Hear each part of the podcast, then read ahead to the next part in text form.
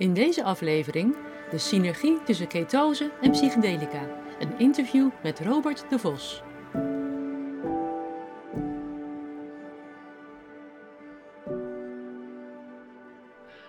Nou, Robert, hartstikke leuk dat je weer terug bent in de Keto Podcast. Welkom weer. Uh, wij hebben natuurlijk elkaar al eerder gesproken, al veel vaker gesproken, maar uh, on, on, on, the air, zal ik maar zeggen, al een keertje eerder in de podcast, heel in het begin.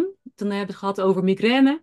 Uh, en het is, um, ik wist van jou natuurlijk dat je al een uh, grote voorliefde had ook voor andere zaken in, je, in, jouw praktijk. En daar gaan we het vandaag eens over hebben. Um, mm-hmm. Jij hebt je dus ook gewoon doorontwikkeld, net als ik. Maar ja, jij kwam pas op de lijn van, joh, ik, ik wil wat meer gaan vertellen, want er uh, zit iets heel moois aan te komen. Ik ben iets heel anders gaan doen. Dus vandaar dat we gewoon een nieuwe podcast uh, aflevering hebben gepland met jou. En ja, ga je hartstikke leuk. Vertellen. Ja, waar gaan we het over hebben, Robert? Ja, nou, over de relatie tussen uh, psychedelica en het, uh, het ketogene dieet. Dus ja. ik ben sinds drie, vier jaar nu begonnen met psychedelica geassisteerde traumatherapie te geven. En daarvoor werkte ik vooral als, als osteopaat en ook als, wel als KPNI-therapeut. Um, dus ik integreerde al best wel veel met elkaar. Beweging, osteopathie, vitamines, levensstijl, ketogeen dieet, in koude badjes uh, zwemmen. Nou, zeg maar gewoon de hele intermittent uh, living levensstijl van uh, de KPNI. Ja. En dat al samen gecombineerd met, met osteopathie.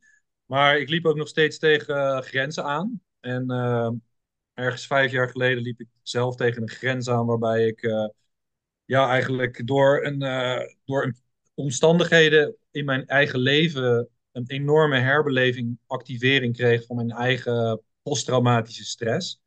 Dus mijn eigen posttraumatische stress werd ineens weer gewoon ontzettend geactiveerd. En daar had ik al heel veel aan gedaan. En toen dacht ik zoiets van, ja, wat, wat ga ik nu nog doen? Weet je, ik heb alle reguliere dingen al gedaan en ook al heel veel alternatieve dingen.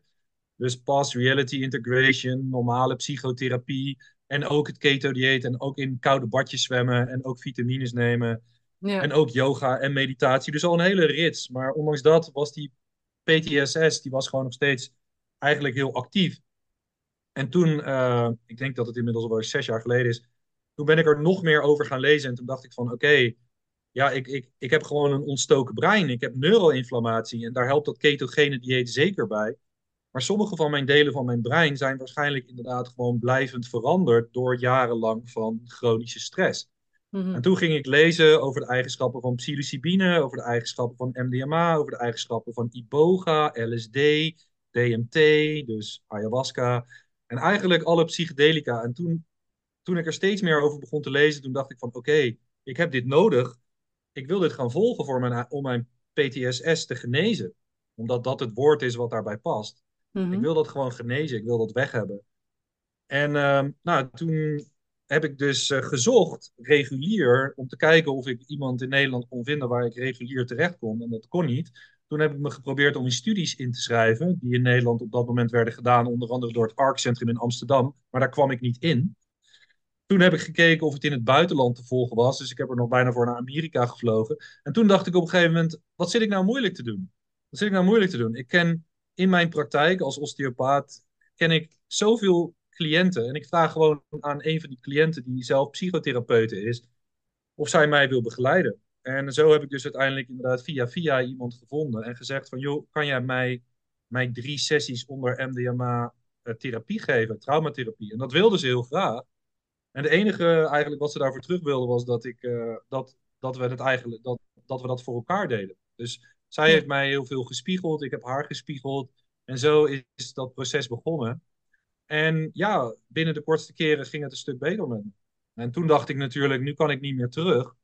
Ja.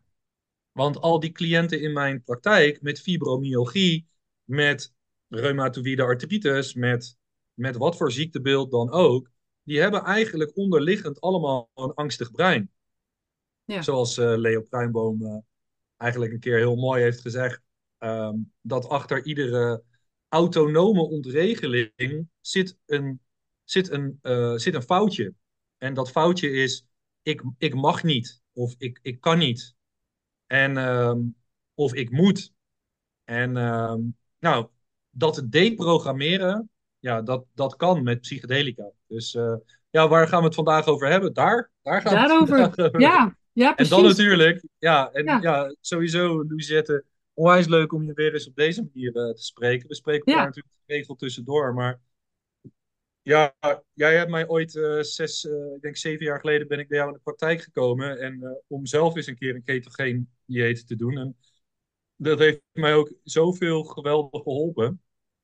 En daarmee heb ik ook zoveel andere mensen weer geweldig kunnen helpen. Ja. En ehm, de relaties tussen psychedelica en ketogeen dieet, die zijn, ja, die zijn gewoon met elkaar getrouwd. Het, is, ja. het werkt heel mooi. En daar gaan we eens even naar kijken vandaag. Ja. Maar um, de mensen die de Keto podcast volgen, die weten inmiddels al heel veel over, over keto. Want daar heb ik het natuurlijk altijd over. Maar misschien nog niet zoveel over psychedelica. Dus misschien kan je beginnen met uitleggen van wat is het? Hè? Wat valt er onder psychedelica? Ik, ik weet wel, ik heb gehoord van paddo's en van truffels. Maar mhm. goed, het is een beetje de, hoe het in de volksmond uh, natuurlijk heet. Ja, ja, ja. Van, ja. Hoe werkt dat dan als je met psychedelica aan de gang gaat? Ja, nou, psychedelica is eigenlijk gewoon een hele brede groep. Ehm, van middelen die eigenlijk bewustzijnsveranderend zijn. bewustzijnsveranderend werken. Dus je, je, gaat, je gaat meer in contact komen met je emoties. Uh, je gaat andere dingen zien, gaat andere dingen voelen. En je krijgt zelfs het samensmelten van zintuigelijke informatie, wat ook wel synesthese wordt genoemd, synesthesie. Um, en al die psychedelica die doen dat in min, min, of meerdere mate. En dan zijn er dus verschillende categorieën. Dat sommige bijvoorbeeld, zoals uh, eh, MDMA, dat is uh, weinig wat je noemt hallucinatoire. Dus je, daarvan zie je mm. weinig beelden. En bijvoorbeeld DMT, wat ayahuasca is, is heel hoog hallucinatoire. Dus er zijn verschillende, binnen die groep psychedelica zijn er verschillende middelen die allemaal op een andere manier eigenlijk hun, hun werking hebben. Uh, de grap is, is dat eigenlijk al die middelen uit de natuur komen. Zelfs mensen denken dat MDMA chemisch is. Dat is ook wel zo, maar dat komt ook uit een, dat komt uit een plantje, uit een boom. En dat heet sassafras. Dus um, eigenlijk al die middelen waar wij op kunnen trippen, die zitten ook in de natuur. Je zou ook zelfs kunnen zeggen dat bijvoorbeeld kambo, hè, dat is kikkergif. Wordt ook gebruikt door Amazone-Indianen. Daar heb ik ook wel een paar sessies van gedaan. Eigenlijk is dat ook een, een een psychedelicum. Want ja, je krijgt dat gif in je en daardoor voel je je tijdelijk ook heel anders. Maar je kan je ook voorstellen dat als we bijvoorbeeld 10 minuten zo gaan ademen, dat we ook high worden. En dat dat dus ook een psychedelicum is. En mhm. een persoon waar jij heel sterk op verliefd wordt, bijvoorbeeld, daar worden vrouwen wel eens verliefd, wij spreken op uh, iemand die zelfs die ze nog nooit hebben gezien, maar die bijvoorbeeld in de bak zit voor moord. Snap je? En daar wordt een vrouw verliefd op. Dan is ze ook onder een psychedelica. Maar in klassiek zijn psychedelica middelen zoals MDMA, LSD, uh, eh, mhm. psilocybine. LSD is eigenlijk de chemische variant van psilocybine. Uh, iboga, wat uh, in Afrika wordt gebruikt, in Centraal-Afrika. DMT, ayahuasca en, en wiet. En dan zijn er nog een heel scala aan wat minder bekende middelen, zoals ketamine, die wel, ook wel redelijk wordt toegepast in het ziekenhuis. Ja. Ehm, en nog een aantal van dat soort middelen. Maar dit zijn wel degenen die in, ja, in, in triptherapie wordt vooral MDMA, psilocybine, LSD en DMT gebruikt, dus ayahuasca. Ja, oké. Ketamine wordt gebruikt voor resistente, ook voor resistente depressie. En eigenlijk op al die middelen lopen momenteel gigantisch veel nieuwe onderzoeken. Maar er zijn ook al heel veel onderzoeken afgerond. Dus als je aan mij vraagt van wat is nu de status eigenlijk ja, van, van dat onderzoek. Nou, er zijn laatst Tweede Kamervragen gesteld. En uh, in die Tweede Kamervragen waren een aantal onderzoekers en die zeiden eigenlijk van het zou gewoon vandaag of morgen gewoon toegankelijk moeten zijn, want het is gewoon veilig getest. En uh, ja, dus de psychedelica, die, uh, dit, zijn, dit zijn de groepen. Het, uh, sommige zijn dus inderdaad meer hallucinatoire, sommige minder. En uh, ze variëren inderdaad in, in, in, in sterkte enorm. Ja. En het is wel degelijk, de dosis maakt de, dosis maakt de trip, hè. Klein beetje psilocybine maakt je een beetje dromerig. Heel veel psilocybine laat je bijvoorbeeld gewoon misschien wel in een heel ander universum zijn. Ja. ja. ja. Oh, ja, grappig dat je dat zegt. Want ik heb eh, ooit, nadat we elkaar al een keertje eerder hierover gesproken hadden, gewoon zo'n setje gekocht van die, eh, van die ja, truffels noemen ze dat. Uh, de microdoses, ja. Ja, microdosing, ja precies. Dat. Ja. Ik dacht, nou, ik ga het eens een keer proberen. Dus ik had er eentje of een halve genomen. En ik dacht, nou, gebeurt echt helemaal niks volgens mij. en toen heb ik de volgende dag een hele genomen. En toen gingen er dingen bewegen die normaal stilstaan. Mm. Lampenkappen of zo. ja. Dus toen dacht ik, ja, misschien toch niet helemaal mijn ding. Maar um, nee, nou, kijk. om daar iemand bij te hebben die je daarin kan adviseren natuurlijk. Ja, exact. En dat is natuurlijk ook, dat is het eigenlijk het allerbelangrijkste. En dat is ook dus, uh, ik, heb, ik heb Brainforest uh, opgericht. Brainforest.nu. En dat heb ik opgericht samen met Linda. Dus Linda is mijn partner. Uh, jij wist het al, hè, maar ik ga 6, ma 6 maart met haar, met haar trouwen. Ja, ja. En uh, samen met andere mensen, met Casper Beukema en met mijn broer en met een GGZ-psycholoog, Carolien Hof, die overigens uh, op zich geen tripsessies bij ons geeft, hè, maar die is bij ons alleen maar om dansles te geven. wij gaan ook dansen met onze mensen. Um, dus wij hebben een groep mensen hebben we bij elkaar verzameld. Um, en daarmee, maar met name ik en Linda, geven dus die tripsessies. En uh, tripsessies doen we dus ook altijd met z'n tweeën. Dat is ook hoe het protocol er is. Hè. Er is een protocol mm -hmm. vanuit MAPS. De MAPS staat voor Multidisciplinary Association for Psychedelic Studies. En die MAPS die doet al jarenlang onderzoek en die heeft gewoon protocollen ontwikkeld. En die zegt, je moet altijd twee mensen op één persoon zetten. Dan klopt het driehoekje namelijk. Want anders is, het gewoon, anders is er gewoon altijd een bepaalde mate van onveiligheid. Dus ja. Um, ja, wij proberen hele hoogwaardige psychedelica geassisteerde traumatherapie te geven. Uh, waarbij Linda, mijn partner, zij is van origine traumatherapeut en hypnotherapeut. En ik ben van origine eigenlijk verpleegkundige, anesthesieassistent, KPNI'er, osteopaat. En voor de rest heb ik me dan gespecialiseerd inderdaad meer in traumatherapie, in lichaamsgerichte traumatherapie. En uh, ja, samen geven we dus sessies waarbij iemand dus volledig zichzelf kan zijn. Want dat is eigenlijk hetgene wat trauma heeft belet. Hè? Dus trauma is energie vanuit de buitenwereld. Die heeft gezegd, jij bent nu niet veilig met je uiterlijk of met je seksualiteit of met je puntje puntje. En dat, zit, dat zit daarin gebakken. En die realiteit uit het verleden, die dragen mensen met zich mee, want dat is voor hun in het nu nog steeds realiteit. En die belasting, die oude energie uit dat verleden, die in die mensen hun rugtas zit, die moet eruit. En wanneer komt dat eruit? Als mensen zich veilig voelen. Dus wanneer gaan mensen zich veilig voelen? Als ze in staat zijn om gewoon weer zichzelf te mogen waarnemen. En dat, dat doen de psychedelica. Dus je kan je voorstellen dat als iemand bij ons komt, we hebben een, een, een tripkamer of we doen het bij iemand thuis of in de natuur. Dat komt dan namelijk omdat die persoon, die moet zich het veiligst voelen. En als die persoon zegt, ik vind het het fijnst om het dat daar te doen of daar te doen, ja. dan de, moet de set en de, de set en de setting voor die persoon moet zo ideaal zijn dat hij het gevoel heeft, en nou durf ik het. Dus ja. Uh, ja, dat is natuurlijk ook nooit dat als wij mensen, als mensen zich aanmelden bij ons voor triptherapie, dan is het ook nooit zo van: oké, nou dan gaan we dat doen en dan, dan, plannen we dat in de agenda. Dan moet iemand eerst bij ons komen voor een hele uitgebreide intake. Dat duurt een uur. En dan gaan we ook een persoon dus eerst ademwerk doen en ook dieetadviezen geven en supplementen. Allemaal om alvast voor te gaan bereiden. En we gaan vooral ook heel veel aanraken. Uh, wat allemaal uh, overigens is op het niveau van iemand kan gewoon bij ons komen eh, in een, in een legging en in een trui. Want niemand hoeft iets uit te trekken. Maar het is aanraken alleen maar dat die persoon weer embodiment voelt. Dat hij weer voelt, ik ben er. Ja. Dat is eigenlijk het belangrijkste.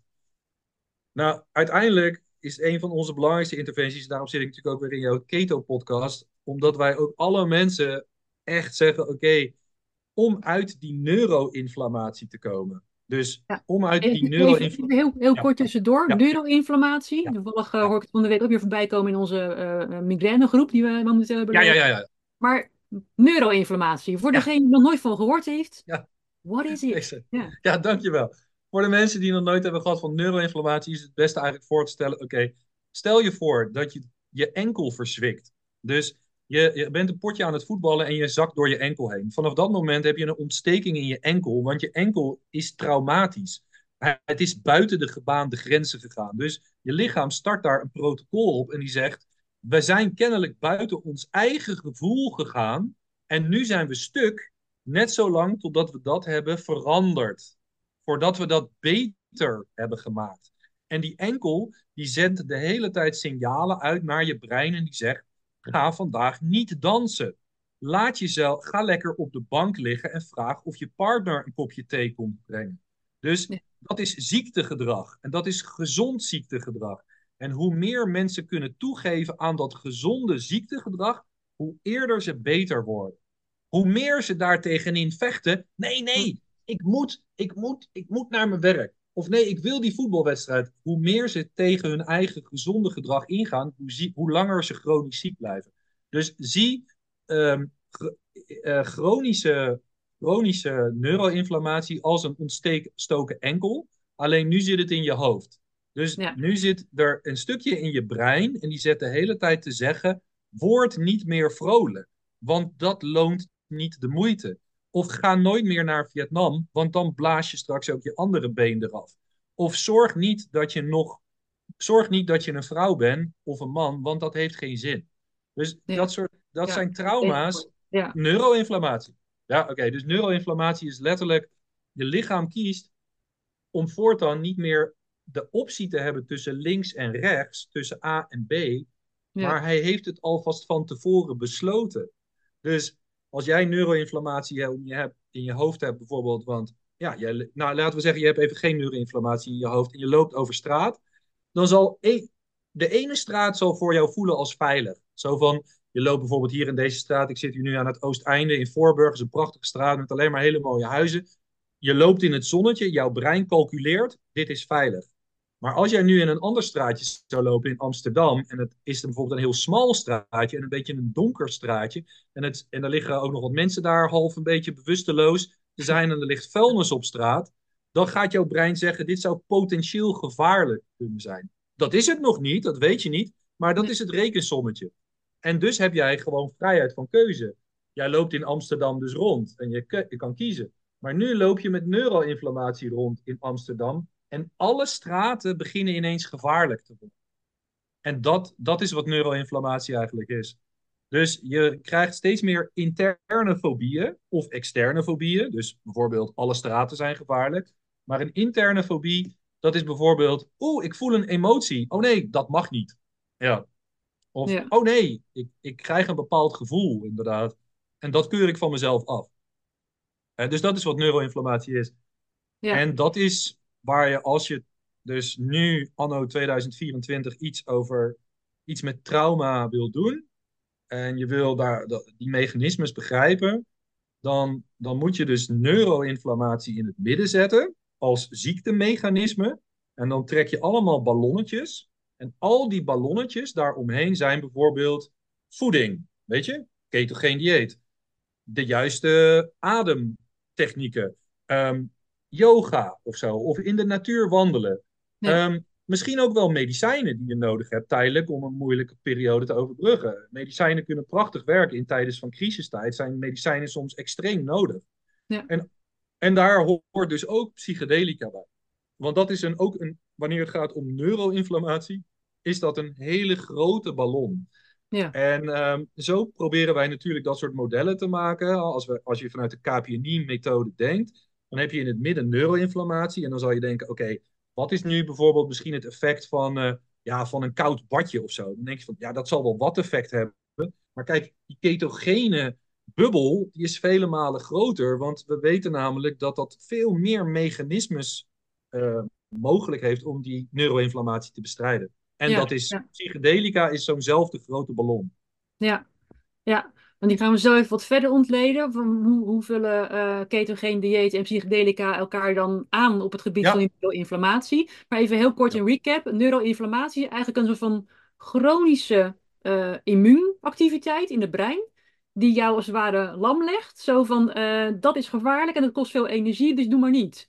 Hè, we beperken hier en je mag daar niet heen. Of je mag niet met, uh, met zulke mensen omgaan. Of je mag die straat niet in. Of whatever. Ja. of je mag niet, uh, um, nou ja, noem het maar op, waar mensen allemaal bang voor kunnen zijn. Ja, uh, dus want... je wordt eigenlijk voor lam gelegd door je eigen brein daarin. Exact, exact. En, exact. En, Want je Ehm, wordt eigenlijk, de ja, angst is zo bovenmatig, zo bovenmatig aanwezig dat je dus inderdaad veel te vaak in die fight, flight, fright of freeze respons zit. ja, Op momenten dat het jou eigenlijk niet dient.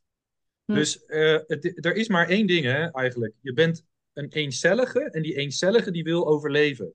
En als die, naar link, als die naar links gaat, dan vindt hij eten en dan voelt hij zich veilig. Dus dan zal hij vaker daarheen gaan. Maar als hij naar ja, rechts gaat en hij is, en hij is in gevaar, nou, dan gaat hij weer opnieuw naar links. ja, Als ik, dat nou, als ik nou heel vaak een bepaalde kant op ga en kans heb op veiligheid, dan zal ik vaker die route kiezen. Maar Ja, die route is natuurlijk soms links en soms rechts. Vandaar dat we heel graag metabool, psychisch, energetisch flexibel willen zijn. Dus hoe minder autistisch we zijn, en autisme is echt dat woord, autisme is angst, hè? Dus autisme is angst. Hoe meer angst je krijgt, hoe autistischer iedereen wordt. Ik bedoel, als mensen ja, zeggen, luister, ik ga al 26 jaar naar deze camping op vakantie, volgend jaar gaan we weer. Want dan weet ik tenminste waar ik, hoe, dat, dat kan ik controleren. ja, wie kent je niet? bepaalde Ja, veiligheid. Maar het ja, probleem is, als we altijd maar die veiligheid willen inbouwen, dus dan gaan we over een steeds smaller paadje lopen. En binnen de kortste keren eten we alleen nog maar 's ochtends om half acht een boterham met pindakaas. En de rest van de dag niet meer. Dus ja. Dus daar zie je ook maar weer hè, dat al die ziektebeelden, hè, dus, OC, dus neuroinflammatie, is een overkoepelend woord voor eigenlijk depressie. Of obsessief-compulsieve dwang. Of emotionele dysregulatie. Of een doorgevoerde vorm van narcisme. ja, Ja, een neuroinflammatie is gewoon is een, een virus in je hoofd. Die ervoor zorgt dat we dus eigenlijk niet meer zo kunnen leven zoals wij als mensen dat eigenlijk zo graag willen. En dat is namelijk in vrijheid. Ja, en voordat mensen nu denken, oh jee, een virus, even over een virtueel, eh, eh, eh, hypothetisch virus, hè? Niet Ja, ja, ja, ja, Ja. Maar, maar dat is een interessant bruggetje. Het maakt niet uit. En dat is daar, hier is Leo natuurlijk helemaal heel erg in gespecialiseerd. Heeft hij zo mooi uitgelegd. Dat het maakt niet uit of het nou een damp is, een pamp of een samp of een. Dat maakt niet uit. Het doet eigenlijk in feite bijna hetzelfde in het brein. En dat, dat zal ik even uitleggen. Het maakt ja, niet uit of het dus een moleculair patroon is, of een pathogeen, dus een bacterie of een virus, of een sociaal patroon, of een seksueel patroon als Hm, je tegen honderd mensen, als honderd mensen tegen één persoon staan te wijzen, jij bent niks waard, jij bent niks waard, jij bent niks waard, dan wordt die persoon letterlijk immuun, zijn immuunsysteem actief. Dus als jouw moeder of je vader tegen jou in je jeugd heeft gezegd, je bent niet, je bent niet goed genoeg, of um, je bent in die emotie, ben jij niet, ben je niet, vol, ben je niet toereikend, of Ja, kijk, mijn emoties zijn zo groot, dus ik druk jou daarmee weg dan ga je dat als realiteit aannemen. En dan ja, verandert dat je brein. ja. Ja, want je had het net al over trauma, hè? Dus als je, als je door die enkel heen zwikt, dan ontstaat er een trauma. En nou is een enkel, een, een, eh, een gezwikte enkel een fysiek trauma. Eh, dat kan je natuurlijk in het brein ook hebben. Als je klap je kop krijgt of een hersenschudding, dan heb je ook fysiek trauma aan het brein. Eh, dan krijg je ook neuroinflammatie, krijg je ook een immuunsysteemreactie. En eh, nou, dan komt er ook een energiecrisis bij, krijgen, bij kijken. Maar datzelfde trauma kan natuurlijk eh, ook gebeuren door emotie. Dus door, door, door emotioneel trauma, dingen die je eerst hebt meegemaakt, noem maar op. Exact. En het is ook exact hetzelfde. het, het is Ja, exact hetzelfde mechanisme, Louisette. Alleen ja. Dat acute trauma, als je inderdaad je hoofd stoot. Uh, dus uh, bijvoorbeeld, een tijdje geleden is er nog een boek over geschreven hè, door die Mar Margot Ros van, uh, van weet je, die serie ook weer, Toren C. En Oh, ja. zij heeft er een boek over geschreven, noemt dat hersenschorsing. Zij liep ergens achter de coulissen, liep ze met haar hoofd tegen een lamp aan. En vanaf dat moment heeft ze gewoon een hersenkneuzing gehad voor heel lang. Maar ik weet niet of ze een ketogeen dieet heeft gedaan, maar het had wel geholpen. Want ik heb namelijk ook dat soort mensen onder behandeling gehad. Die vallen gewoon, die, die, die kwamen bij mij naar mij toe als osteopaat. Van ja, ik ben van een trapje gevallen. Of uh, ik, ik ben inderdaad uh, tijdens het zemen ben ik ineens plotseling met mijn hoofd tegen, de, tegen het raam aangekomen. Ik had dus een keer een topadvocaat onder behandeling die gewoon één keer op die manier, net zoals Margot Ros, zijn hoofd had gestoten tegen een ijzeren bal. En daarna kon hij de volgende dag niet meer één e-mail schrijven. Maar hij tikte er normaal gesproken per dag 300 ja. en hij deed per dag wel 60 telefoontjes. En toen kon hij er niet eens meer eentje. En op dat moment stond zijn brein dus inderdaad, zoals jij beschrijft, Louisette, in die extreme crisis. Namelijk dat brein is in inflammatie, in inflammatie. Maar het kan en het wil de hele tijd eigenlijk alleen maar glucose gebruiken. Maar er is zo'n ontsteking dat die glucose die zorgt weer voor nog meer oxidanten. En daar is geen capaciteit meer voor. Dus wat kiest het brein dan voor? Dan gaan we maar uit. Ja. Dan gaan we maar gewoon helemaal uit. En die, die man die bij mij kwam, die heb ik dus een ketogeen dieet geadviseerd. En de rara politiepet, na een week kon hij weer vijf e-mails sturen. Na twee weken tien. En op een gegeven moment, wat vrij snel was, hij heeft gewoon een maand lang niet naar zijn computer gekeken. Maar na een maand kon hij wel weer bijna gewoon volledig aan het werk. Ja, uh, Omdat hij gewoon een maand lang rust heeft genomen. En, en gelijk, hij was gelijk um, aan dat ketogene dieet begon. Dus uh, ja, hij was zo geïnteresseerd erdoor. Hij dacht, hij ging als een bezetene, want hij wilde natuurlijk gewoon weer aan het werk. En uh, dat is hem gelukt. Ja. Maar dat is acute neuroinflammatie. En de grootste neuroinflammatie is eigenlijk nog steeds die enkel, Louisette. Alleen nu wordt die enkel niet beter. Dus die enkel blijft maar een week ontstoken. Nee, een maand, een jaar. Het wordt eigenlijk gewoon een soort dystrofie. En wat het ook is, hè. Dus als zo'n enkel maar blijft ontsteken, dan ga je dat op een gegeven moment een naam geven. Dan ga je dat dystrofie noemen. En dat hebben mensen dus ook in hun hoofd. Want er is een energieconflict, zoals je zegt. Er is dus te weinig energie om dingen te laten groeien. Nou, wat zie je dan inderdaad aan trauma uh, als je functionele MRI's gaat maken? Dus je gaat uh, scans maken van mensen die al jarenlang PTSS hebben. Ja, wat zie je dan? hey, de amygdala, je alarmknopje in je hoofd, wat maar heel klein is, dat is steeds groter geworden. En wat is er kleiner geworden? Je inhiberende structuren die zeggen, het valt wel mee. Dus die mensen met PTSS, en dat is ook de reden hè, waarom het in Nederland ook steeds meer uit de hand aan het lopen is. Want als je PTSS en dat soort dingen niet geneest, die mensen worden naarmate de jaren vorderen niet steeds beter. Nee, het wordt steeds slechter. Ja. Want dat brein wordt steeds meer ontstoken. Dus als je PTSS in je jeugd oploopt en je kan dat niet genezen, dan heb je op je vijftiende misschien de, de, de diagnose depressie of zo, of ADHD.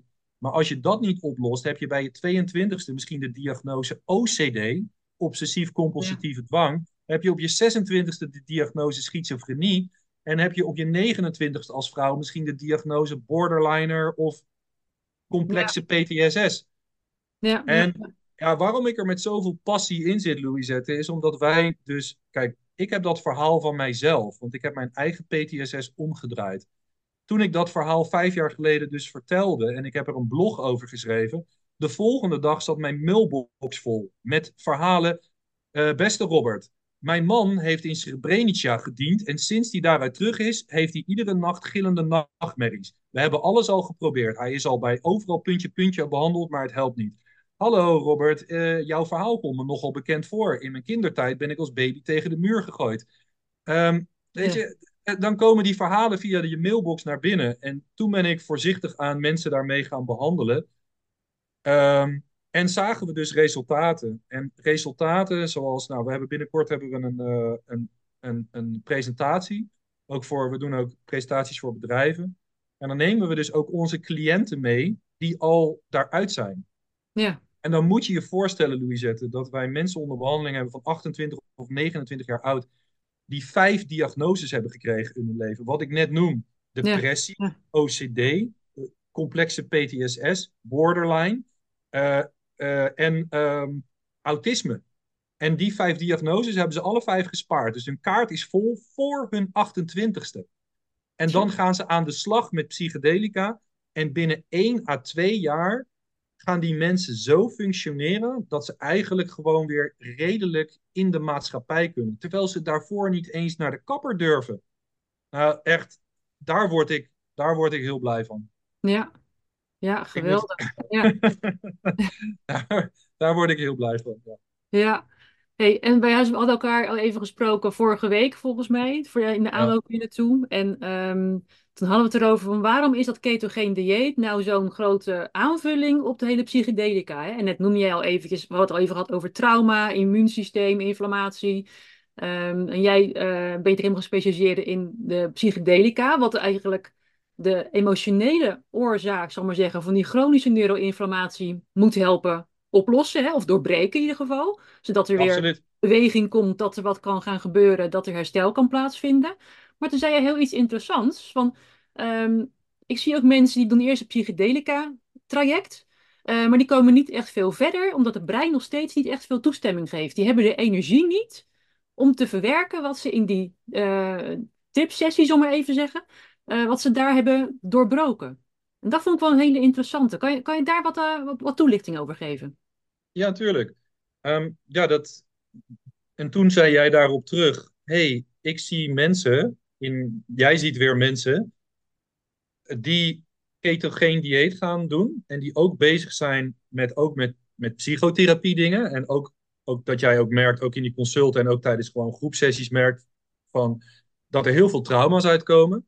Ja. En dat die mensen toch niet het kunnen volhouden. En dat, en dat, en dat ligt dus in dat, in dat cirkeltje. Als je neuroinflammatie effectief wil bestrijden, dan moet je, al die, dan moet je die, al die, cirkel daarom, die hele cirkel daaromheen gaan doen. En Kijk, als je jarenlang PTSS hebt gehad, dan is alles veranderd in je lijf. Je amygdala is gegroeid.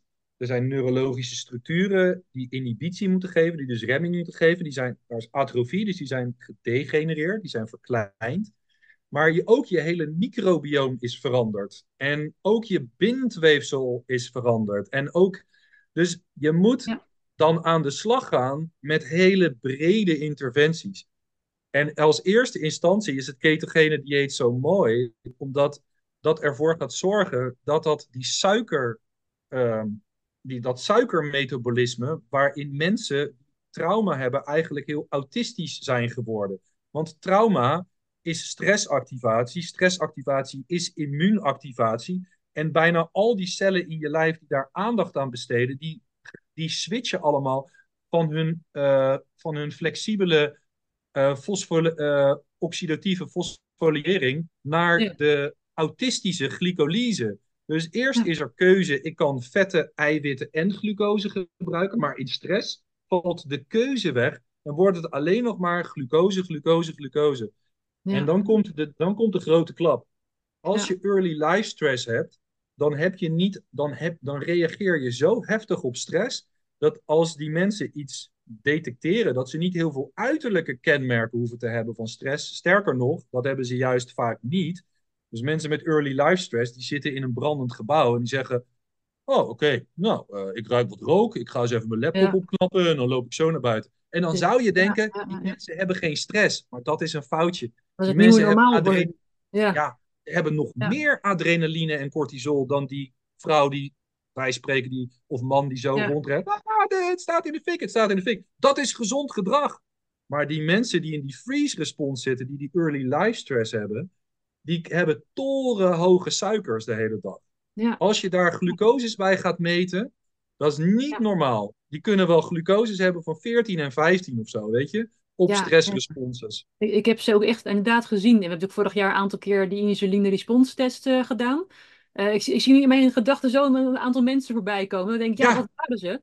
Uh, um, die en... perfect ketogeen eten, die, allerlei, die, die zelf therapeut zijn desnoods. Uh, ja. Die alles doen om zo gezond mogelijk te leven, maar wel iets heel traumatisch hebben meegemaakt of iets in, ja. de jeugd.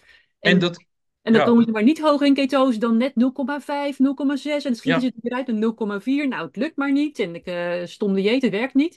En toen exact. Ja, en toen gingen we dus die insuline response test doen. En toen bleken ze mega insulineresistent en hoge bloedsuikerwaardes en hele hoge insulinewaardes. Ja, en, en toen maar eens een keer cortisol gaan meten. Ja. En toen bleken ze echt uh, nou ja, flink nog in de cortisol en in de stresshuishouding te zitten. Ja, en dat is zo prachtig dat je dat soort dingen aan het doen bent, Louisette. Dat is zo schitterend. Dat is echt, en dat is echt baanbrekend. Om op die manier de psychologie dus te gaan betrekken op psychologie dus met, bio, met biomarkers te gaan meten. Dus inderdaad de omega-3-ratio te gaan bekijken, de insulinerespons. Um, maar een andere die er ook zo mooi bij zou kunnen passen, is inderdaad je glucagon meten. Ik heb daar echt totaal nul ervaring mee. Hè? Dus, maar stel je voor, kijk, de mensen die dus die dus namelijk zoveel early lifesters hebben, die blijken uit onderzoeken dus veel meer glucagon aan te maken. Dus Zelfs al eten ze extern geen suiker, ze produceren die suiker zelf wel, want het stresssysteem wil het hebben. Dus het maakt niet uit als je keto eet. Je lichaam weet uit vet zelfs, zoals jij als geen ander weet, zelfs uit glycerolsuikers te maken. Dus Als die lever gewoon voorgeprogrammeerd is en die wordt gedomineerd door een angstig brein en, die, en dat brein zegt de hele tijd, we hebben glucose nodig, want onze cellen staan in de fik. Ja. Nou, dan wordt die suiker echt wel gebouwd. Of het nou uit eiwitten is, uit vetten of uit, uit je eigen cellen. Er wordt iets afgebroken. Ja, en, dat, uh, en dat mechanisme, dat moet uit. Dus dat angstige brein, dat moet gekalmeerd worden. En dat angstige brein, dat wil dus behandeld worden als een baby. En zitten baby's, krijgen baby's keto, ketose eten? Ja, het is voor het grootste gedeelte allemaal vet en eiwitten. Vanuit natuur dus wel, ja. Ja, en wat gebeurt er overigens als je traumatiseert in de natuur en je zou bijvoorbeeld niet meer kunnen bewegen en je kan dus zelf geen eten meer zoeken, dan raak je in ketose. Ja. Want je gaat jezelf opeten en dat is gezond, dus heb je meer kans om te herstellen. Dus het is, daarom hebben we ook, als je gezond bent, heb je op zich relatief weinig spier, veel spiermassa en relatief weinig vetmassa. En als je dan iets zou overkomen en je zou bijvoorbeeld op de intensive care belanden, dan, kan je, dan zal je dus ook relatief snel in ketose komen. Ja, ja ik, ik merk dat er een hele cascade aan vragen en... Uh, ja, ja, ja, ja, ik in ga heel ver. komt. Okay, dit wordt een podcast van 3,5 uur volgens mij, maar nee, dat gaan we niet doen. Maar daar gaan we zeker nog een keertje samen over doorbomen. Ja, ja, ja, we kunnen ook nog een keer kunnen altijd nog een keer een aparte podcast over nemen. Oh, we gaan hier een heel luisterboek van maken. Gezellig. ja, ja, precies. Hey, maar even, even terug naar de praktische kant. Hè? Want als er nu mensen zijn die hier naar luisteren en denken... jeetje, dat uh, zou wel eens helemaal uh, op mij van toepassing kunnen zijn. Wat, mhm. wat voor soort patiënten of wat voor soort klanten zie jij in je praktijk? Waar, waar help je ze mee? Ja, eigenlijk met alles wat je maar kan bedenken. Wij hebben mensen in de praktijk die komen en die zeggen van... ik ben burn-out voor de derde keer in mijn leven. Ik ben, uh, of ik heb gewoon een algemeen gevoel dat ik niet gelukkig ben. Dus dat kan heel klein zijn, waar overigens altijd he vaak hele grote dingen achter zitten. Maar iemand kan ook bij ons binnenkomen met de hulpvraag, en die hebben we ook. Ik, ik hing gisteren aan de dakrand van een gebouw. Ik ben echt sterk suicidaal. Ik heb alles al gedaan. Ik gebruik, ik heb ook veel medicijnen al geprobeerd en heel veel reguliere therapie. Maar ik kom er niet uit. Of bijvoorbeeld mensen die zeggen, ja, ik ben gediagnosticeerd met depressie of OCD. Dus wij hebben letterlijk in de laatste vier jaar hebben we, hebben alles wel voorbij zien komen. Wat, wat ik vanuit mijn opleiding als verpleegkundige en in mijn tijd dat ik werkte in het ziekenhuis en ook dat ik in mijn tijd als osteopaat werkte, ook al wel allemaal al eens een keer had voorbij horen komen. Alleen nu helpen we het inderdaad. Ja, dus mensen melden zich met gewoon met angstklachten eigenlijk, zou je kunnen zeggen. Hè? Gewoon, ik, heb een bepaald, ik heb een bepaalde angst. Alleen zo noemen mensen het meestal niet. Mensen noemen het bijvoorbeeld, ik ben niet, ik vind het niet fijn in mijn werk. Ja, maar waarom vinden het mensen niet fijn in hun werk? Omdat ze niet tegen hun baas durven te zeggen, je bent een lul. Ja? of uh, ik ben niet gelukkig in mijn relatie. Of ik ben niet gelukkig, ik ben niet gelukkig met mijn moeder of met mijn vader. Dus mensen komen met allerhande vragen en diagnoses. En in principe, na een na een uur intake en natuurlijk alles heel goed hebben doorgesproken, kunnen wij die mensen die komen, kunnen wij ze een indicatie geven van kijk, je moet gaan denken aan dat dat ongeveer, dat, je, dat het zo of zo lang gaat duren. En sommige mensen zeggen we tegen bijvoorbeeld eerst van, het is belangrijk om nu eerst bijvoorbeeld drie maanden aan de slag te gaan, gewoon met ademwerk, met ademwerk, met lichaamswerk en met voeding. Ja. En dan zien we na drie maanden, kunnen we bijvoorbeeld verder om daaraan toe te gaan voegen, psychedelica en misschien andere, andere pijlers. Ja. Maar, dus iemand kan aan het einde van een uur, krijgt hij te horen welke pijlers op dat moment voor die persoon voor eh, eigenlijk het meest relevant zijn. Ja, want dan is psychedelica geen, geen quick fix van uh, hier heb je het en over drie weken ben je overal vanaf. Nee, dat is het niet. Maar, het is dus, maar psychedelica is wel als je het toevoegt met al die andere dingen die we al doen, is het wel degelijk een onmisbare schakel als het gaat om het duurzaam veranderen van je gedrag. En daar wil ik wel een heel klein onderzoek over toelichten. Hè. Dus mhm. dit, staat, dit stond ook laatst nog een keer op Instagram inderdaad. Hè. Je stopt 50 uh, vlooien in een pot, dan springen ze er alle 50 gelijk uit. Dus dit onderzoek is echt gedaan. Je stopt die 50 vlooien in een pot, je doet er een dekseltje op een uur. Ze springen er nooit meer uit. Zelfs niet als je de deksel eraf haalt. Alle vlooien die in de pot worden geboren, springen ook niet boven de deksel uit. Dus ze zijn geconditioneerd. En wij zijn ook geconditioneerd. Dus tussen je 0 en je 20ste worden er een aantal breincentra, worden gewoon informatie ingestopt. En op een gegeven moment is dat gewoon zo van: oké, nou, dat centrum dat kan redelijk sluiten, want we blijven natuurlijk niet de hele tijd open voor bepaalde dingen te leren. Dus als we tot die tijd gewoon dingen heel stug hebben geleerd, dan blijven we dat eigenlijk ook grotendeels herhalen. Nou, wat hebben ze nu gedaan? Bijvoorbeeld, dit zit ook in de documentaire Fantastic Fungi. Hè? Oh ja, dan zie je dat ze dus uh, muizen of ratten hebben. En die ratten die laten ze een scheepstoeter horen. Nou, die scheepstoeter, daar schrikken ze natuurlijk helemaal niet van. Want ratten kennen niet wat, die weten niet wat een toeter is. Dus ze gaan gewoon lekker door. Ze maken geen catecholamines aan, geen adrenaline, cortisol. Uh, ze gaan gewoon lekker door met hun, met hun ratje lopen. Dus alles is koek en ei. Maar dan geef je ze ook een elektroshock. Terwijl je een scheepstoeter laat horen. En dan, als je dat één, twee of drie keer doet, dan zijn ze geconditioneerd. Ja. Nou, die muizen of die ratten kan je natuurlijk geen psychotherapie geven. Je kan niet tegen die muizen gaan zeggen: Oké, luister. Over vijf seconden gaat die toeter weer komen. Niet schrikken, jongens. Gaan ze altijd schrikken. Maar als je dan psilocybine door het eten roert van die, uh, van die dieren en ze gaan dat opeten, rara politiepet, ze zijn gewoon echt, um, ze, zij ontleren weer dat, val, dat vals geleerde associatie, namelijk geluid en pijn moet ik voortaan aan elkaar koppelen. Dus je kan weer dingen ontkoppelen. Dus, dus bijvoorbeeld, mijn, va mijn, ja, mijn vader is niet gevaarlijk. Of mijn moeder is niet gevaarlijk. Of straten zijn niet gevaarlijk. Dus die dingen, die vals geleerde associaties, die angsten die, eigenlijk, die ons niet dienen om een gelukkig leven te leiden, die kunnen we weer losknippen. Nou, dat is onderzocht met psilocybine. Een ander heel grappig onderzoek is dat dus als je aan, aan, aan um, um, octopussen, dat zijn een van de meest asociale dieren eigenlijk die er zijn, antisociale dieren, die uh, tolereren elkaar totaal niet. Die scheuren elkaar gewoon aan stukken. En het enige wanneer ze elkaar tolereren is helemaal aan het einde van hun levenscyclus. Dan nemen ze een partner en dan gaat het vrouwtje ook gelijk dood. Die offert zich op en dan is ze dood. Dus helemaal aan het einde van haar cyclus is ze misschien één dag sociaal voor een mannetje. En daarna zijn ze verder solitair. Maar als je dus octopussen bij elkaar in een bad doet en je geeft ze MDMA, dan gaan ze elkaar zitten knuffelen. Dat is toch grappig? Knuffel, knuffelspul is eigenlijk, ja. Exact. Dus je maakt mensen er weer socialer mee. Op delen waar ze eigenlijk antisociaal voor zijn. En wat is antisociaal zijn? Dat is angst. angst ik, ik, ben bang voor puntje, puntje. Xenofoob, hè? Ja. Xenofoob, exact. En dat maakt je, je maakt mensen dus weer eigenlijk niet fobisch, maar antifobisch. Ja, sociaal. Ja, ja. Sociaal. Voor zichzelf, in eerste instantie. Ja. ja. Ik mag het, het woord, eh, wat er natuurlijk in heel veel mensen opkomt als psychedelica gebruik, ik mag er weer zijn. Ehm, ik ben er.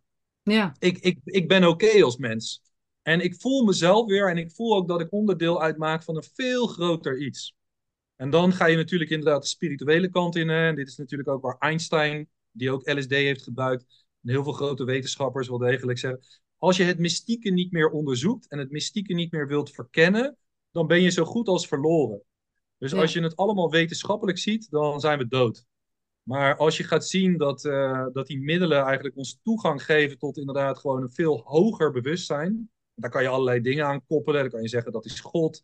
Dan kan je zeggen dat is een energie. Dat is Shakta, dat is Shiva, dat is Yin, dat is Yang. Dat maakt allemaal niet uit. Het is iets wat veel groter is dan onszelf. En daar kom je weer mee in contact. Ja. ja. Nou, dan uh, kan er wel weer wat angst weg. Ja, precies. Je hoeft niet zo bang te zijn. Nee. Ja, dus mensen kunnen bij ons uh, terecht voor allerlei dingen. En uh, ja, in een uurconsult bepalen we eigenlijk of het, of het mogelijk is. Ja. ja.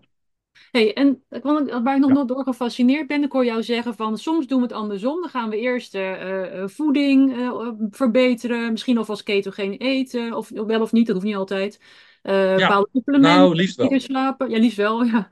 Maar, uh, en dan pas uh, uh, de psychedelica. Maar kan het ook andersom? Dat je zegt, nou, we gaan al in een eerder stadium psychedelica inzetten. Om, om alvast veranderingen in dat brein mogelijk te maken. En het ondersteunen met de aanwezigheid van ketonen. Zodat het brein in ieder geval de energie heeft om die veranderingen ja, te, te ondersteunen. Want als je natuurlijk geen energie in je kop hebt, dan kan je heel veel veranderingen willen, of doorbraken willen bereiken. Maar dat, dat gebeurt dan ook Ja, niet bij mij.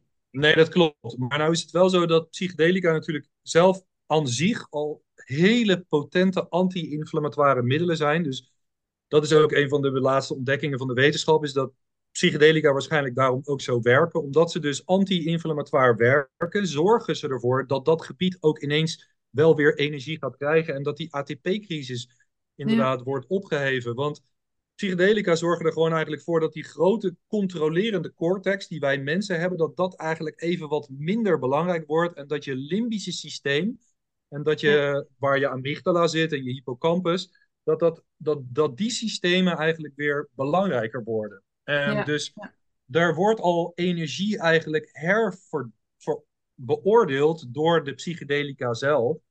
En het ja, werkt ook bij de 99% van de mensen werkt het ook gewoon gelijk. Maar er is een, een gedeelte van de mensen die heeft zulke sterke dissociatie, dat die geef je, die, ja, die, die krijgen psilocybine of MDMA en, ehm, en daarbij werkt het gewoon niet.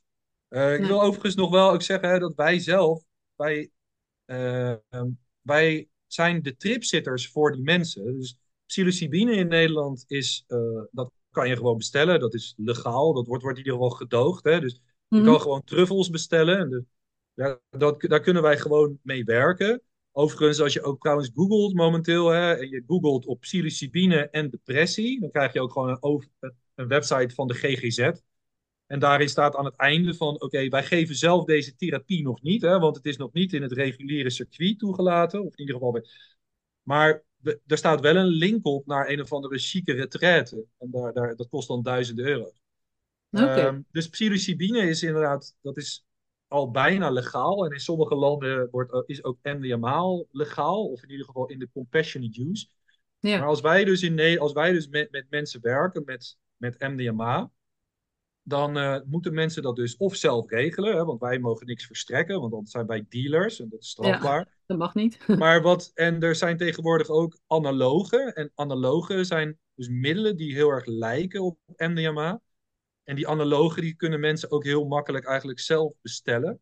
Er zitten natuurlijk overal risico's aan. Hè? Maar dit is ook de reden waarom wij op knijtergroot op onze website hebben staan. Alsjeblieft, als je gaat trippen, laat je goed informeren. Want kijk, Linda en ik zitten er niet in om het geld. Maar deze markt is gigantisch groot. En nu, eh, dit wil ik nog wel even het liefst echt heel erg sterk benadrukken. Er mhm, gaan ontzettend veel eh, wildgroei plaatsvinden van mensen die dit ook willen gaan doen. En die gaan mensen zoeken.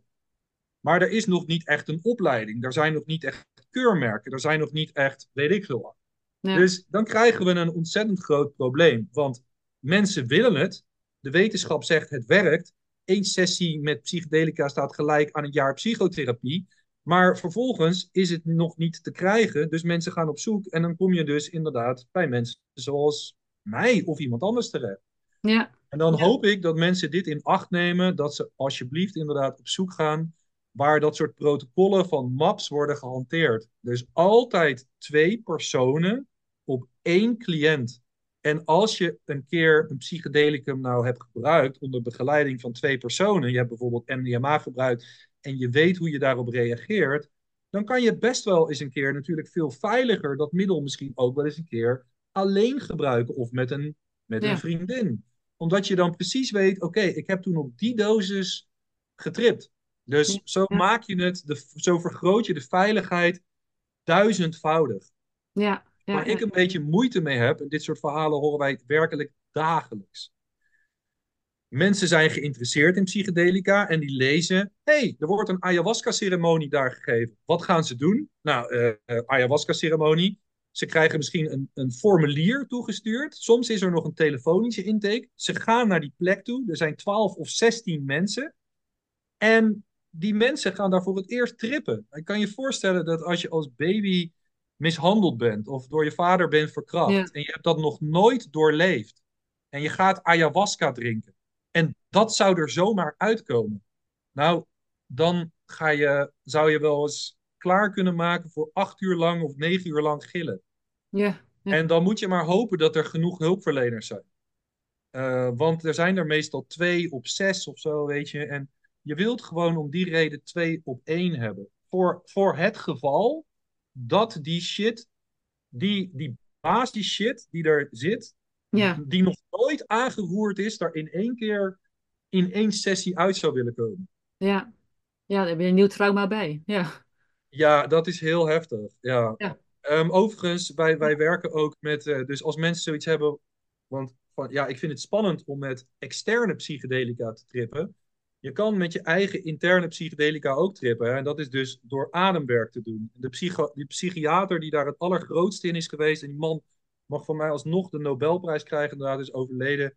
Dat is, uh, of, ik moet even, Stanislav Graf heet hij. Ja. Volgens mij is hij pas overleden. Oké. En die man heeft echt, die heeft zo, nee, nee, nee, hij, hij leeft misschien. Nou, dit, uh, dit is een slordigheidje. Gaan we googlen, ja. googlen. Hij is wel echt op leeftijd, maar die man is geniaal. Die heeft dit allemaal lang en breed onderzocht en in boeken gezet. We gaan wel Ja, hard, hè? We gaan een beetje over de tijd heen, of niet? Je Ja, dat nee, maakt niet uit, joh. Denk je dat de luisteraars nog wel leuk zouden vinden? Ja, nou, ik zit me naar naar jou te luisteren. Hoe je dat vertelt over, hè, van pas op, ga niet zo met iedereen in zee en eh, onderzoek het goed en zorg dat je kwalitatieve begeleiding krijgt. En er is nog geen opleiding voor. De- ja, daar stond ik een aantal jaar geleden ook met het hele ketogeen dieet natuurlijk.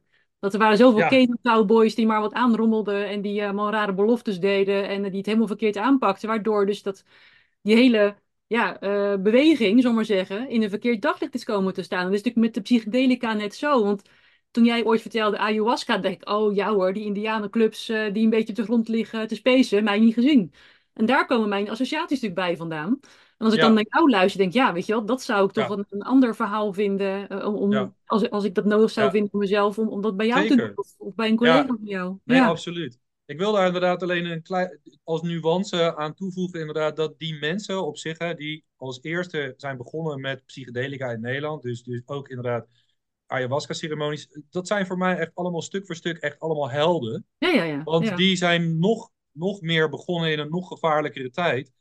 Alleen, het is gewoon, het is, om meer veiligheid te creëren, zou je, kan je wel groepsessies doen, maar dan moet je eigenlijk screenen of die mensen dus dat middel ook wel eens een keer al een keer individueel hebben gebruikt met Ja. de onderbegeleiding van twee personen. Wij, wij, ik geef ook samen met Linda groepsessies, maar die mensen die hebben wij allemaal dan allemaal al eens een keer gesproken. Ja. En we weten, die kennen elkaar weer. Zijn over het algemeen allemaal mensen waar wij allemaal wel individueel dus alweer een keer mee hebben getript. Dus ja. wij staan niet. De kans dat we voor verrassingen komen te staan is dan eigenlijk steeds Nee, steeds kleiner. precies.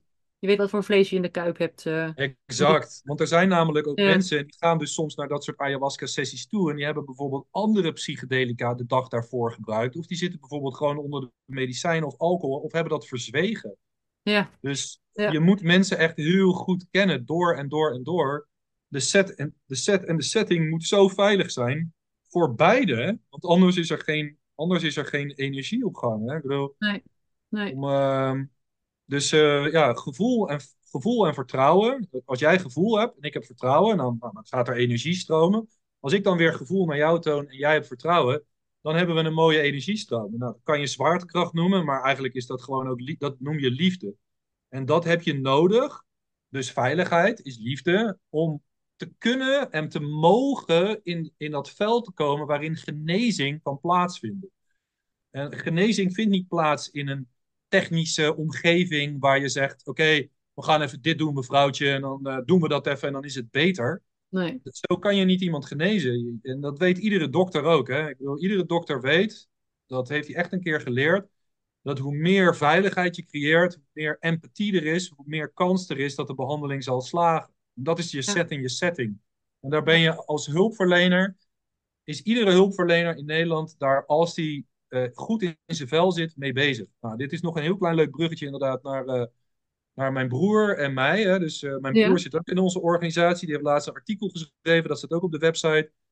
Ik heb mijzelf van mijn PTSS afgeholpen. En daarna dacht ik van, oké, oké, als het bij mezelf lukt, dan wil ik dat ook op andere mensen testen. En degene na mij, waarvan ik dacht, die ook heel ernstig getraumatiseerd is, dat is mijn broer. En hij eh, heeft het ge- aangedurfd om met mij een sessie te doen. En zijn ervaringen heeft hij ook beschreven. Maar het komt er eigenlijk op neer, mijn broer is dus ook letterlijk verpleegkundige. Hij was nurse practitioner en ik was ook verpleegkundige. Dus we waren letterlijk broeders, broers en broeders in de zorg. Maar allebei liepen we rond met een complexe vorm van PTSS.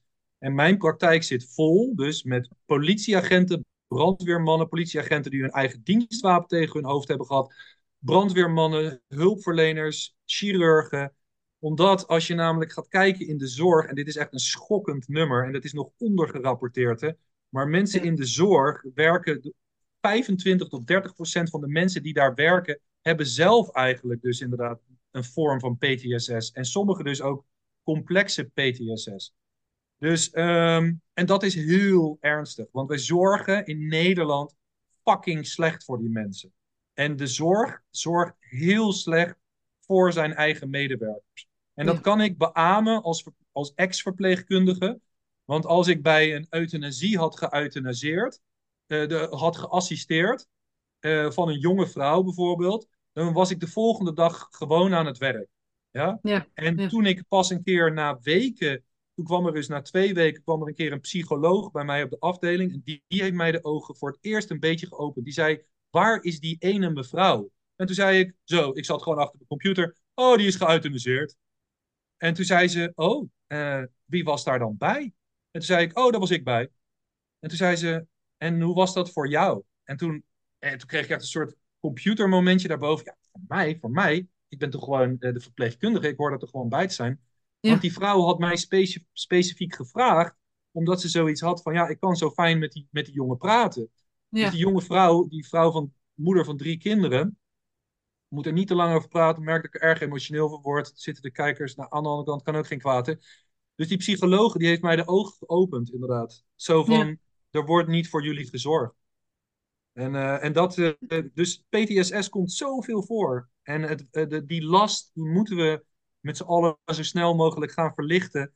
Want die mensen met PTSS zijn namelijk de chirurgen en de brandweermannen en de politieagenten en je huisarts en, ja. en je leraar op school en de, de man bij de bakker. En daar ja. wil je liever niet van dat hij dat gestrest staat te doen. Daar moeten we zuinig op zijn. Daar moeten we zuinig op zijn. Ja, we moeten zuinig ja. zijn op onszelf. Dat is ook de reden waarom mensen met dit soort therapie moeten beginnen. Niet voor een ander, maar echt omdat je jezelf een le je leven weer gunt. Ja, ja, prachtig. Nou ja, ja weet je, we zouden echt letterlijk uren door kunnen gaan. Maar we, ja, maar we hebben al veel een breien. Ja, precies. Even één laatste vraag. Ja. Um, zijn er ook mensen die dit absoluut niet moeten doen? Dat je zegt, nou, uh, die heb ik liever niet, uh, of ik raad het niet aan? Nou, mensen die veel medicijnen gebruiken, dus die veel uh, antidepressiva, antipsychotica, um, de bekende pammetjes, de lorazepam. Als mensen veel medicijnen gebruiken, dan moeten ze weten dat als ze aan zo'n traject als dit zouden beginnen, dat het moment waarop ze voor het eerst eens een keertje veilig psychedelica kunnen gebruiken, vrij ver is. Maar het is, het is niet onmogelijk. Maar die medicijnen die moeten op een bepaalde manier eerst geminderd en afgebouwd worden voordat je ja. eventueel die psychedelica. Want anders, let, let, let, op, let op deze bewoording, durf ik het gewoon niet. Hè? Want ik ben, ik ben geen arts. Dus als het misgaat, of weet ik veel wat dan ook, ik kan nergens, nee.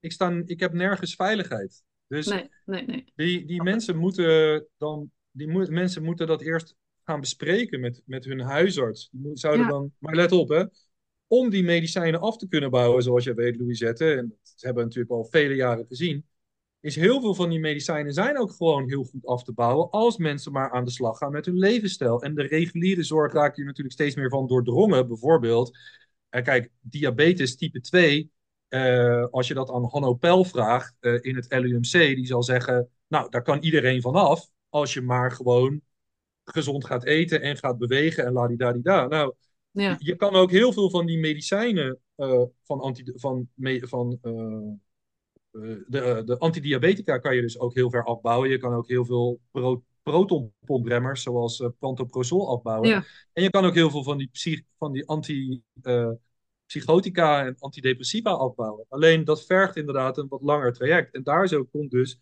onder andere het ketogene dieet naar boven. Maar ook mensen met de basis gewoon eens in de veiligheid brengen. Dus door ze gewoon ja. met ze te ademen en ze aan te raken. Ja, Nou ja, je Ja, ziet ze misschien al liggen hier op de achtergrond, liggen hier de twee boeken. eh, Brain Energy en, eh, van, van Chris Palmer en Change Your Diet, Change Your Mind van eh, Georgia is ja inderdaad prachtige over boeken. ja, metabole psychiatrie. En daar wordt ook al naar gekeken van hoe, hè, hoe, hoe ga je eerst zorgen voor herstel van het brein, zodat je ook die medicatie af kan bouwen. En dat is natuurlijk aan de prescribers voorgelegd, hè, voor de, voor de artsen weggelegd, niet voor ons. Maar ja, dat, eh, ik denk wel dat er een, een movement aan de gang is in Nederland, in België, in Europa en in de hele wereld. Dat Ja, gewoon steeds bekender wordt en steeds geaccepteerder. En mensen zoeken hier ook naar. En die lopen gewoon vast in de reguliere zorg op, op dit vlak. Dus eh, ja, en dit zou natuurlijk een hele mooie combinatie zijn als we eh, die, die voeding en de ketonen kunnen combineren met psychedelica en daarmee gewoon ja, ja, en, baanbrekend werk en kunnen dat is, ja, exact, Louisette. Ja, En dat is ja, de, en dat is de, de samenwerking die ik vanaf het moment dat ik jou heb leren kennen alleen maar heb zien groeien daarin. ja, En ik zie alleen maar die samenwerking daarin ook steeds verder groeien, want we zitten exact in hetzelfde straatje. En we zitten er ook exact op dezelfde manier in. En ja. dat vind ik ook zo mooi aan jou, Louisette. Je zit erin met zo'n mooi hart, met zoveel mooie energie en met zoveel passie. Ehm, dat eh, resoneert eh, enorm. En eh, samen in je, in je eentje bouw je geen, bouw je geen dorpen. Nee, Ehm, dus je bouwt dorpen met, met een hele gezellige familie. En ehm, als het te, te alleen wordt en te narcistisch, dan wordt het een soort, ja, dan wordt het een soort blaffen en dan worden het een soort onderdanen. En naar dat ja, soort orga- in dat soort organisaties werkt het niet. nee, nee. Dus ik zoek inderdaad mensen, eh, en dat, die hebben wij dus ook al in brainforce.nu. Maar die Ja, club is ook steeds meer aan het groeien. Dus ja, bij deze is het ook een oproep hè, aan de mensen die luisteren. Kijk, wij zoeken gewoon samenwerking. En als ja, mensen met ons willen samenwerken, ze zijn bijvoorbeeld een therapeut en zij zijn een therapeut in Brabant of zo, maar ze hebben daar geen psychedelisch therapeut. Maar dan kunnen wij bijvoorbeeld het psychedelica gedeelte doen en dan kan die therapeut in Brabant bijvoorbeeld het voedingsgedeelte doen en het levensstijlgedeelte. Nou, dus moeten we maar even netwerken gaan verbinden, Robert. Want ik heb ja, een netwerk van ketotherapeuten intussen. Dus eh, ja. ja, we moeten nog maar eens Wordt een hele gezellige familie. Ja, Ja, nou ja, nou, wij doen dat dus inderdaad ook missie. Ja, maar zo moet je het ook zien. Hè? Zo zien wij ook onze cliënten. We zien ze wel degelijk gewoon echt als cliënten. Maar het is een community. Dus wij staan ook letterlijk met mensen op festivals, maar ook op onze eigen georganiseerde feestjes eh, te dansen. Dus onder begeleiding van een psycholoog en, Ja, eh, en ik als traumatherapeut en mijn vrouw Linda, eh, zorgen we ervoor dat er dus allemaal manieren komen om eigenlijk tot expressie te komen. Hè? Want ja, dat is iets wat, wat trauma heeft gezorgd. Je mag niet tot expressie komen. Je bent een heel klein balletje en het mocht er niet meer uit. ja. Eh, maar inderdaad. Louisette, Ja, we ja. kunnen hier nog 60 uur over praten. En dan Ja. Hey, maar even iets heel anders, want ik vond het echt heel erg mooi. En hier ga ik ook helemaal van aan, eh, ja, merk ik. Maar ja. ehm je vertelde nog in het begin dat je ook retraites organiseert. Kan je daar nog wat eh, over vertellen? Ja, we, nou, eh, het allerleukste wat ik daarvoor nog wil zeggen is, ik ben, een samenwerking, eh, ik ben in samenwerking gekomen met Casper Beukema. Ja, Casper Beukema is een enorm geïnspireerde man. Die spreekt voor heel veel verschillende ehm, eh, fabrikanten, maar ook voor zichzelf. En voor, overal wordt hij maar wordt uitgenodigd. Een enorm enthousiaste gozer. Ja, Heen, hele grote kennis en ook, ehm, ook fan van psychedelica. en eh, samen met hem eh, ben ik dus eh, scholingen gaan geven. En de eerste scholing die we nu gaan geven, echt specifiek over trauma en psychedelica, is eh, zeer binnenkort. Het is volgende maand, staat op de website. Volgens mij uit mijn hoofd 12 of 13 maart. Tweedaagse cursus. En daar zijn nog wat plekken voor. Dat is de eerste keer dat we dat geven. Dus het wordt heel interessant. Ook met een Ja, groepstrip zit daarbij. En dat gaat dus eigenlijk over de klinische, psychedelische, psychoneuroimmunologie. Dus je zou ja, eigenlijk gewoon zeggen, we roeren de psychedelica door de KPNI heen. ja, En als je dat eenmaal zo gaat zien en je gaat ook psychedelica gebruiken terwijl je KPNI probeert te begrijpen, dan wordt het ineens allemaal heel erg simpel. ja. Wordt het de Wordt Ja, KPPP niet, ja. ja. Maar ik wil niet veel termen verzinnen, maar laten we het gewoon zeggen. Het is inderdaad eh, een sausje van psychedelica over daar. Maar het gaat dus vooral over trauma en psychedelica. Dus dat met Casper Beukema. En, eh, en ehm, in april en in mei gaan we een week lang naar Ibiza. Die zitten bijna vol. En die retraites inderdaad, daar zitten we, daar doen we dus ehm, vooral eh, ja, gewoon de mooie dingen die je in het leven kan doen. Dus ademwerk, maar ook ehm, psychotherapie, wandelen. Ehm.